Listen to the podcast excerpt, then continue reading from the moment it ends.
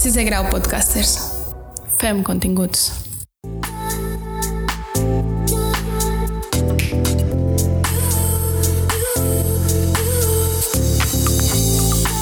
Mari Pellegrina, amb B de bellesa.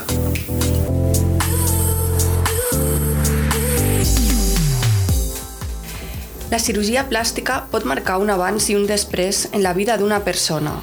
Sovint subestimem aquest fet i no tenim en compte els avantatges i millores estètiques que aquesta pot aportar a la seva vida. Amb el transcurs dels anys, la cirurgia plàstica ha evolucionat considerablement a través de les noves tècniques i eines que han permet realitzar un gran nombre de procediments amb l'objectiu de millorar aspectes estètics i també de salut. Per parlar de cirurgia plàstica i estètica, comptem avui amb el doctor García Aparicio, especialista en cirurgia plàstica, reconstructiva i estètica. Hola, doctor. Benvingut a B de Bellesa. Hola, què tal? Com esteu? Però digue'm Daniel, si no t'importa. Val, d'acord. Gràcies per acompanyar-me amb aquest projecte de amb B de Bellesa. Gràcies a vosaltres. És per mi un plaer i un honor comptar amb un dels teus millors cirurgians plàstics de Catalunya. Aquesta oportunitat no es té cada dia. Moltes gràcies. I bé, eh, com, com, comencem. Quin Fantàstic. paper juga la cirurgia plàstica i estètica en la vida de les persones avui dia?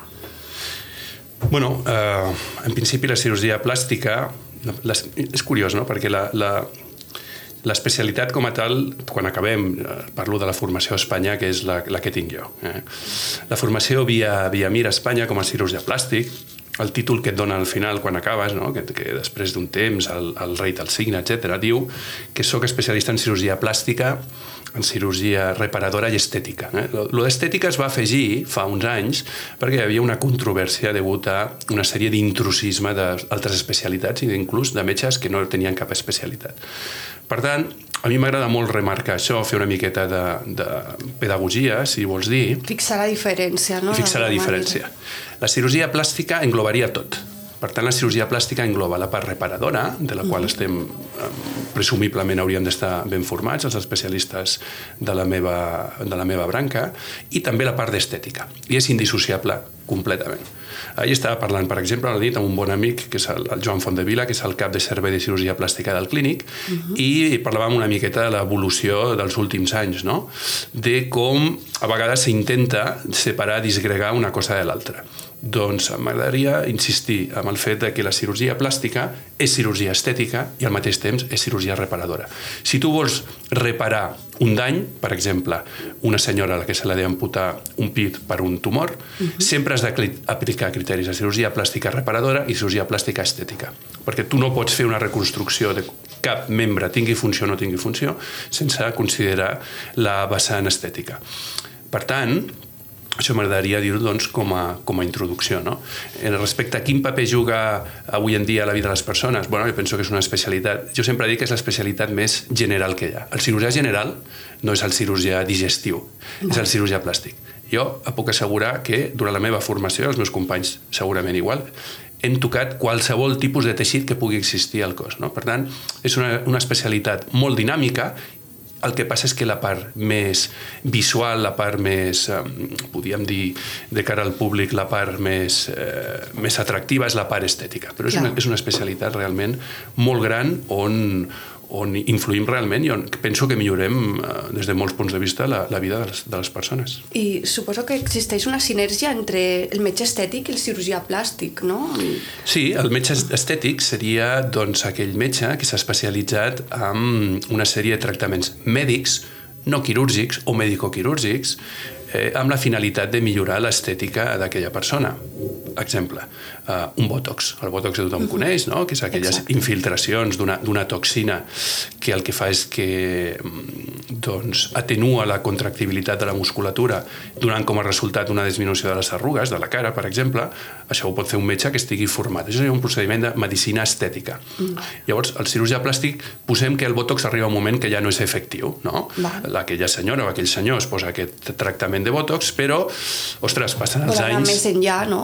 D'alguna manera. Eh? Llavors és on intervé el cirurgià plàstic. Llavors el metge estètic es posa en contacte amb el cirurgià plàstic, generalment són unitats com la que tenim nosaltres a Dermantec, que estan clarament eh, de la mà, podríem dir-ho així, i el metge estètic em comenta doctor, eh, què et sembla si jo arribo fins aquí? Eh, M'agradaria que valoressis doncs, si potser un procediment quirúrgic podria eh, millorar aquest pacient, i és quan entro jo, i viceversa. Si jo veig que un pacient no està preparat una cirurgia pel motiu que fos, doncs llavors es pot passar al, al metge estètic. No? I moltes vegades el cirurgià plàstic també pots fer els dos tipus, els dos tractaments molts cirurgians fem també medicina estètica en la nostra Val. pràctica. El que potser no és a la inversa, és el que no pot ser, no? Que un, un, un Bueno, metge estètic... no sol ser al revés, perquè la medicina estètica demana moltíssima... Um, els procediments són més curts, evidentment, perquè no requereix d'un quiròfan, Menys invasius. menys invasius, correcte, però també hi ha més volum de pacients. No? Per tant, el metge estètic potser no té temps per formar-se en tècniques de quirúrgiques i, en canvi, el cirurgià, degut a que ha aprofundit, podríem dir, una miqueta amb, el pla, amb, el, amb, amb la profunditat no? dintre del cos humà, doncs, doncs la part de medicina estètica eh, ja la té inclosa. No? Però són dues especialitats molt semblants que es donen de la mà, que s'ajuden i, i les dues eh, estan per solucionar els problemes dels pacients, bàsicament. I quins avantatges ofereix la cirurgia plàstica i estètica? Bueno, avui en dia vivim en una societat, tu saps millor que ningú, que és la societat de la imatge, de, de l'Instagram. Per tant, eh, avui en dia és la, aquesta pregunta és, és, es respon sola. No? Tu agafes qualsevol compte d'Instagram del que sigui, d'algú que ven roba, fins a un altre que parla de viatges, i sempre trobaràs l'estètica quan surt una persona que està allà en primera línia. No? L'estètica ha arribat a tots els punts, ha arribat a l'odontologia, ha arribat a... Eh, eh, bueno, ha arribat inclús a eh, qualsevol, eh, diguem-ne, eh, activitat humana, eh, doncs Exacte. com no podia arribar sempre a la, a la busquem el cirurgia. criteri estètic de tot, no? De, És que sempre ha existit al llarg, al llarg de la vida. Vull dir, si tu només que t'agradi una miqueta la història i mires enrere, sempre ha existit. Vull dir, els, els grecs eren un, uns, uns estetes, no? De fet, la, la, la paraula ve, de, ve del grec. Eh, i, si, I si evoluciones històricament, l'estètica sempre ha estat predominant. El que passa és que abans érem classes benestants, podríem dir, i avui en dia s'ha democratitzat, que és una paraula que es fa servir molt, i tot i ser una miqueta cursi, eh, sí que exemplifica el que està passant avui en dia. Avui en dia tothom té accés a la cirurgia plàstica i a la medicina estètica el qual no té per què ser necessàriament bo, però el que està clar és que no és dolent. El problema és que mm, bueno, mm, sempre eh, hem de mantenir la perspectiva eh, i saber que un tractament, un procediment de cirurgia plàstica és això, és cirurgia. I cirurgia són paraules gruixudes. O sigui, és un Intervé un quiròfan, no? Correcte. Mira, m'encanta que diguis no del quiròfan, perquè a mi moltes pacients em diuen, i dic pacients perquè el, el 80-85% dels nostres pacients són dones, d'acord? Um, em pregunten, doctor, però això cal fer-ho amb un quiròfan? És una pregunta que sembla molt evident, però és, és molt repetitiva, no? Llavors, sempre poso el mateix exemple. Dic, escolti, vostè quan va a un bon restaurant, on vol que li cuini el cuiner? El porta a casa seva? Dic, no, vaig al restaurant. Vale, vostè ha arribat aquí, ha arribat al meu restaurant. Exacte. Però quan demana qualsevol tipus de plat, on li fa el, el, el cuiner? A la cuina. Oi que sí? Exacte. Per què ho fa a la cuina? Bueno, perquè compleix tots els criteris... Té tots per... els instruments que necessita, Ah, no? correcte, instruments, això és, eh? I té el fogó, l'extractor de fums...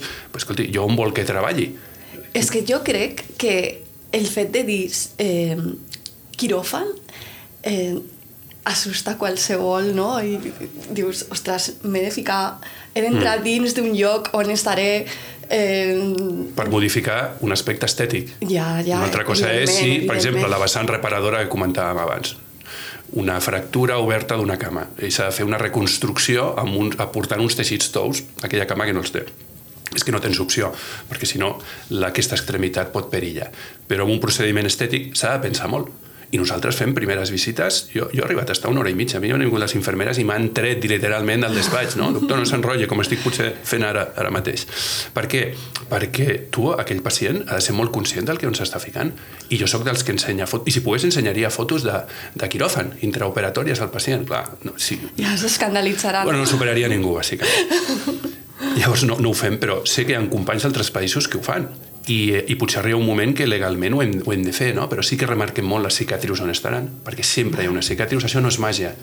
O sigui, és important eh, dir-li al pacient que, que, que, que, que és la realitat, no? De com, com quedarà les cicatrius... No és, no és que sigui important, és que des del punt de vista legal és prioritari, punt número 1, perquè a més han de signar un consentiment, un consentiment on consenteixen a després d'haver obtingut una, una informació. Si no s'ha donat aquesta informació, no poden consentir. Per tant, és bàsic. Jo em poso les mans al cap quan veig que hi ha centres, diguem-ne així, on la visita no la fan metges, la fan comercials. Mm, bueno, això passa al nostre entorn mm, immediat. No sé si estic parlant d'Espanya, que és el que més conec, eh? perquè, mm, perquè això, això passa. I, i, I no pot ser que una persona comercial Exacte. intenti explicar un procediment ha de ser un metge. Ja, sembla I, que sí. bueno, ha de ser el metge que t'ha d'operar, no? O, o com a mínim de l'equip. Doncs eh, això no ho hem d'oblidar. Això és una cirurgia, és importantíssim, i tant el cirurgià com el pacient hem d'estar segurs de que un és el candidat eh, ideal i l'altre és el cirurgià que jo Ideal. voldria com a pacient per operar-me. Val. Eh, tothom que vol canviar alguna part del seu cos està preparat sempre per fer-ho? Eh, no, bueno, no, no, no, està, està, està clar que no. Eh, Psicològicament... I, clar, mm, i per això el metge, que també té formació en, en aquest aspecte, en psicologia, ho ha de- ho ha d'esbrinar. No? Un altre motiu Ha de perquè... valorar aquest aspecte. Un altre no? motiu perquè sigui el metge qui fa la, la, les primeres visites i els controls i hauria de fer tot no? per valorar si aquell, aquell pacient està preparat. Nosaltres ens hem trobat casos eh, i et podia explicar 50.000 anècdotes. No? Ara s'ha posat molt de moda pacients que porten la foto d'Instagram, tornem molt a Instagram, Les de xarxes el nas que volen o el pit que volen. El nas de la Kim Kardashian Clar, o... quan algun pacient et ve així, doncs d'entrada ja veus que potser no, no ha entès de què es tracta això, no? No, no Ja. sap que sí que podem fer nassos molt macos, no? Des del punt de vista estètic, però que jo no puc fer el- aquell nas d'aquella persona en concret, perquè és que són Clar, persones és una diferents. altra persona diferent. Completament. Llavors són teixits diferents i són... Eh, doncs bueno, pues, pues s'ha de fer eh, una mica de pedagogia i, i s'ha de preparar el pacient. Hi ha, hi ha altres pacients que volen començar, per exemple, a treballar a l'endemà d'una cirurgia, sigui la que sigui. Pues se li ha d'explicar que fins que no passin una setmana, 10 dies, potser no es pot ni plantejar començar a treballar i no ho entenen. No ho Pues- entenen. Pues és un altre pacient que potser s'ha d'educar i deixar una miqueta de banda, explicar, perquè ell no té per què saber que funciona. Jo quan vaig a un altre professional, a un arquitecte, quan puc anar al teu despatx i et preguntaré coses que tu, per tu seran molt òbvies, però jo no ho sé, doncs és exactament el mateix. Tu has de guiar aquest pacient i que sàpiga on està i després ha de tenir un temps prudencial per pensar i per valorar tota aquesta informació. Sí, no entenem que, que hi ha un procediment i que hi ha unes pautes que s'han de seguir. Eh, són pautes bàsiques, són protocols, pautes, i hi ha pacients que efectivament no, potser psicològicament no estan preparats i a vegades des del punt de vista inclús organitzatiu, gent eh, que té família, que té nanos petits i que no pot, s'ha de deixar molt clar que no podrà agafar aquell nen petit en braços fins que passin un, un, un temps. Llavors s'ha d'organitzar, doncs tot això s'ha d'explicar. Tot això forma part, la part mèdica és molt important, però la part logística i la part, eh, diguem-ne, eh, terrenal, pragmàtica, és igual, és igual d'important. És igual d'important, no? Correcte. Mm, Quins són els procediments de cirurgia plàstica i estètica més demandats actualment? El que, el que la gent més demanda, eh, no sé, Bueno, això depe- de pit... Això depèn, sí, depèn molt del, del cirurgià. No? Amb la nostra pràctica, tant, tant a Andorra com, doncs, com a Barcelona, que són on més treballem, el que més fem actualment podia ser, podríem dir, la cirurgia de pit, correcte, i la cirurgia facial, eh? la cirurgia de, de, de correctiva de les parpelles, que és el que es diu la blefaroplàstia, és una cirurgia amb molta demanda, procediments eh, estètics facials, i mama. Uh, bueno, I també cirurgia corporal. La veritat és que ara mateix no et sabria dir quin és el que més, però uh, tenim, ten, jo tinc uns, uns, uh, uns grafismes on faig els dibuixos per, per, per dibuixar doncs, on faré la incisió, quines zones tractaré, etc. És, és molt, molt gràfic, uh -huh. valgui la redundància per mi, i molt didàctic pel pacient, perquè veieu exactament on, on entrarem, què traurem, etc. I la veritat és que els anem consumint i, i la Salo o, o l'Àngel els van els van, eh, doncs, eh, van recargant no? el, el calaix i potser el que més gastem és mama corpor, potser corporal és la segona corporal segon i blefaroplastia els parpelles, són les tres més demandades actualment al nostre entorn, Andorra Suposo que hi, hi ha modes, no? Segons si fulanita s'ha operat al pit, pues, hi, ha una, hi ha més demanda per, per aquella intervenció o, Sí. o, és, o és, és indiferent, no? Bueno, no, sí, sí, que hi ha, sí que hi ha modes, però últimament qui marca més la tendència, per dir-ho d'alguna manera, més que els famosos, serien els, els fabricants. M'explico. Si un fabricant treu un nou dispositiu per fer una nova liposucció, Ostres. sí, sí. Uh, automàticament, si funciona aquest dispositiu, doncs seran una miqueta qui marquin les pautes. I llavors agafaran... És que fixa't com ha canviat el, la, els fluxes, no? De, Ja. de, abans era el famós que superava alguna cosa i tothom volia tenir els llavis de la Kylie Jenner, que em sembla, es diu així, oi? Exacte, sí. Perfecte. O uh, el cul de la Kim Kardashian, Exacte. no? que a més em sembla que són família. Molt famós. Exacte. Eh? De fet, inclús abans existia el nas, que no això no s'ha de fer mai, mai s'ha de posar un nom d'una tècnica associada amb una persona. I demano que, que em perdoni allà on estigui, no sé si és viva aquesta senyora, però es deia el nas de la Farrah Fawcett. Farrah Fawcett, no sé si te'n recordes, et sonen els Los Ángeles de Charlie? Sí, sí. Doncs hi ha una de les eh, protagonistes, una noia rosa guapíssima, es va operar el nas i era un nas com molt petit que va tenir molt d'èxit. Mm? Pues era el, el nas de la Farrah Fawcett. Avui en dia eh, són els nasos ultrasònics. M'explico. Abans era l'actriu, la, la influencer de llavors, que no, no, no El existia... que coneguem avui de, per com a influencer, no? Correcte. Doncs avui és el sistema eh, d'un aparell que es diu piezotomo que emet uns ultrasons per modelar l'os amb una rinoplàstia. Llavors, els pacients et venen ja no dient que vull el nas d'un actor o d'una actriu, et diuen vull el nas ultrasònic. Per tant, fixa't com ha canviat. O sigui, és la tecnologia el que està empenyent els pacients. Ostres. Això demostra la informació que arriben a tenir els pacients. Vaja. Sí. El poder que tenim a l'abast de, de, de, de, de, de, la, de la informació, no? De, Exacte. xarxes socials... I tot això és culpa vostra, també, perquè esteu sobreinformant els pacients, que la informació és bona si se sap utilitzar. Exacte. Si no se sap utilitzar, pues, mm, Houston. Houston tenim un problema. Doncs aquest ha estat el canvi més important. Llavors els pacients ja et venen a demanar-te un Basser lipo, que és una liposucció uh, ultrasònica, per exemple, amb un aparell específic, o la liposucció HD, d'alta definició, i no saben el que és. Però eh, els, els fabricants estan generant una quantitat de productes, o bé en medicina estètica, doctor, vull que em posi un hialurònic molt reticulat a l'arc de Cupido del llavi. I dius, I, però... Igual no sap de què està parlant, no? Segurament Però no ho sap. Ho ha llançat. I, i algunes vegades inclús jo m'ha passat de, que esperi, pari, pari, agafar l'ordinador i amb internet i mirar alguna tècnica. Mira, això em va passar no fa gaire amb una tècnica que és la, el, el, la mandíbula B-line, B baixa line, línia. No sabies ni el no que era. sabia el que era. Una, una pacient a la consulta m'ha dit, doctor, mire, vinc perquè tinc una miqueta la, la, el que seria la barbeta, me la trobo una miqueta quadrada, i vostè fa la B-line tècnic, i dic, ostres, dic, miri, ara li podria dir que sí, i segurament m'estaria ficant en un hort. Deixa'm que ho miri, però és, t'estic responent. Veus que no, us, no ho sé fer, però, ai, vale, és que molta gent ho sap. Ho vaig buscar, és una tècnica quirúrgica que s'ha desenvolupat a Corea. Per tant, estem amb el mateix. Un fabricant, una corrent de- d'un país determinat, ja no és una persona, sinó que és molt més complexa. Eh? I per cert, la tècnica Vilain consisteix en fer una sèrie d'osteotomies, de fragmentació de la barbeta per fer la barbeta més estreta i donar la forma, la forma que tens tu, per exemple, que és la forma ideal, que és una forma de B baixa, d'acord? Doncs aquesta és la mandíbula Vilain. Eh? I ara, bueno, m'he posat automàticament què vaig fer? Vaig demanar un dels ajudants que tenim que em fes una bibliografia del Vilain. Ja tinc dos articles de dues revistes diferents explicant exactament què és. Pues ara ja ho estic ofertant al meu catàleg de, de tractaments. O sigui, t'ha servit per incorporar-ho clar, dins del... Un ha d'estar atent completament i jo, estic, jo aprenc dels pacients Que bo. contínuament. I, i parlant de, de, bueno, de la normalització de la cirurgia estètica, creus que encara és un tema tabú? La gent explica que, que s'ha sotmès a una intervenció? Mira, això és una pregunta boníssima, perquè precisament nosaltres publiquem casos, eh, intentem no, no sobre, eh, sobre saturar eh, els seguidors que poden tenir a les xarxes, però quan publiquem un cas es vegi a la cara o no es vegi la cara del pacient, si és una cirurgia de pit no es veurà la cara, No evidentment, veu, però, i encara que no hi hagi cap marca, cap tatuatge, però estem obligats legalment a demanar l'autorització.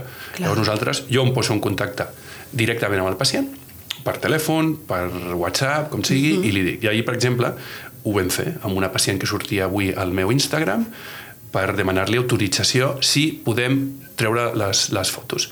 La pacient s'ho mira, li enviem el model que hem fet nosaltres, a l'equip que ens dissenya doncs, la petita maquetació o, o d'edició de, de, del que penjarem després a l'Instagram, uh -huh. la pacient s'ho mira i diu, doctor, miri, prefereixo no sortir. Yeah. Encara que, saps que ningú el reconeixerà, però hi ha gent que no vol sortir, evidentment. En canvi, és una pena perquè quan els triem és perquè són casos molt, molt bons. I altres poden sortir la cara i diuen, doctor, no tinc cap problema. Si el meu cas pot servir perquè altres Exacte. pacients ho tirin endavant, jo estic tan contenta Vaja. que endavant. És la majoria, curiosament, val, no? D'aquesta manera, pues, fins, a, fins a quin punt no? s'ha normalitzat la cirurgia estètica, que que ara ja no és una cosa amagada, que abans es feien les èlits, la gent potser amb molt poder adquisitiu superava, Exacte, amb el doctor X. Que has dit abans, no? que s'ha democratitzat, està a l'abast de tothom. Està a jo crec que està a l'abast de tothom, perquè a més, eh, el que passa és que aquí podíem entrar en un altre terreny, que és el, el terreny una miqueta de, de que no, oblidar, no hem d'oblidar mai que això és cirurgia i que, i que la cirurgia eh, no es pot, de tota la cadena d'aquests protocols que dèiem, no? de la cuina, tornem a la cuina de, del cuiner, no? Ostres, no, hem de treballar amb els millors ingredients. Hem de treballar amb les millors... Quan, des de que es compra l'ingredient fins que s'emplata, doncs tot ha, ha de tenir una sèrie de controls, rigorosos, etc. I això representa una despesa. I no podem retallar ni un euro amb aquesta despesa. Tot i que això després es repercuteix amb els pacients. Per això s'ha d'anar molt de compte a, a, doncs, a, a, quina, a quines cuines es va al final, no? Perquè... O sigui, quin professional es tria, no? Quin professional es... Més que el professional... Sí, el professional, evidentment, eh? Vull dir, sempre, jo intento sempre, pues, bueno, gent contrastada. Avui en dia amb les xarxes i amb internet es pot veure la titulació, quins casos, eh, quina experiència tenen. Això hi ha molts bons professionals, eh? tant a Andorra com a Espanya com a França, que són els, els tres que conec més. Però... Ja, però penso que és important abans informar-se, no? En quines mans et posaràs? És molt bo informar-se perquè genera competència entre nosaltres també, entre els professionals. Eh? Llavors, Llavors, de totes maneres, dir-vos que, que, que aquí a Andorra eh, esteu, la, la gent que treballem aquí mm, ja la formació és, és, és molt alta, però que, que evidentment la, la, la informació és, és poder. Bé, i ja per acabar, doctor, el camp de la cirurgia plàstica i estètica ha canviat notablement al llarg del temps. Els procediments cada vegada són menys invasius i creu que encara pot canviar i evolucionar més? Que existeixi, no sé, un làser? Sí, eh, bueno, de, de fet, el, el, Derma, el làser existeix. A Dermantec pots parlar amb el, amb el doctor López Gil o amb el, amb el doctor Brugués i et faran meravelles amb el làser. Eh? Ja, ja fan coses que, que, que fa un temps era impensable. I de fet amb la medicina estètica també ha passat, no? Nosaltres abans fèiem... Jo quan vaig començar a treballar fa molts anys, a la Tecnon, quan vaig acabar la residència, fèiem amb l'equip on, on estava, ha un cirurgià molt conegut i el qual vaig aprendre moltíssim, doncs eh, fèiem molts liftings, de fet fèiem cada setmana millor tres liftings. Lifting facial, és l'estirament de la cara. Ostres, és una, és una tècnica molt complexa. És una tècnica complexa, és una tècnica que té certa agressivitat i si es fa bé, amb, amb molt bons resultats. Avui en dia dubto que aquest doctor, que encara està actiu, eh, faci 3-4 liftings a la setmana. Per què? Perquè han aparegut, amb aquests quasi 20 anys, han aparegut tractaments que poden, com tu molt ben deies, substituir o com a mínim dilatar amb el temps aquestes tècniques quirúrgiques. Per tant, ara els hialurònics, els fils tensors, Exacte. els gels de calç, tot això fa que una persona que potser abans als 50 anys s'hauria de plantejar un lifting, ara fins als 60 no es faci. Eh, per tant, sí, els procediments cada vegada són menys invasius i és bo perquè ha aparegut tota una sèrie de productes i tecnologies que ho permeten, entre elles el làser, com tu molt ben deies, les radiofreqüències, els ultrasons, etc. Si evolucionarà més amb el futur, tot evolucionarà. Jo estic convençut, tot. De fet, els implants de, de mama ara em sembla que anem ja pels de cinquena generació o alguns de sisena generació i arribarà un moment que deixaran d'existir no fa gaire estàvem en una conferència d'un fabricant d'implants mm -hmm. i el, el, el CEO no? el, el, el, el president executiu el, el mandamàs deia que ells estaven preparant pel següent, per el següent pas que seria que una empresa que ven implants de silicona deixés de fabricar implants de silicona i, I què fabricaria? Bueno, eh, reinventar-se. Avui en dia estem fent augment de pit amb greix, per exemple, Val. i una de les tècniques que més faig i que més m'agrada és combinar el greix amb l'implant, de manera que l'implant, que no deixa de ser un cos estrany, comença a tenir menys protagonisme. Al final, com ho farem l'augment de pit? Amb greix, no tinc cap dubte. Val. O sigui, estàs implantant una substància que el propi cos ja té, o sigui que no, Correcte. no la rebutjarà. Mai, perquè és un empel, no és, un, no és una implantació d'un cos estrany fabricat en una fàbrica. Amb totes les garanties, evidentment, hi ha molt bons resultats. Eh? Aquí que ningú pensi que no, els implants tenen uns resultats fabulosos. Eh? Però, bueno, tenen complicacions perquè és un cos estrany. Doncs si això ho podem substituir amb teixit nostre, com tu molt bé deies, doncs això és el futur, no? amb, amb, el plan, amb, amb la línia de la cirurgia de la mama. I amb les altres línies, igual, cada vegada la tecnologia ens farà, ens dirà per on hem d'anar. Eh? I a poc a poc les cirurgies seran menys invasives, amb recuperacions més ràpides i molt més complexes des del punt de vista no quirúrgic, sinó mèdic, biomèdic, eh, etc etc.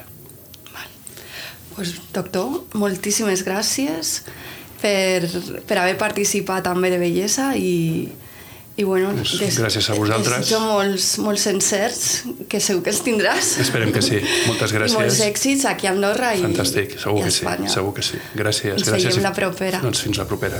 Adéu, adéu.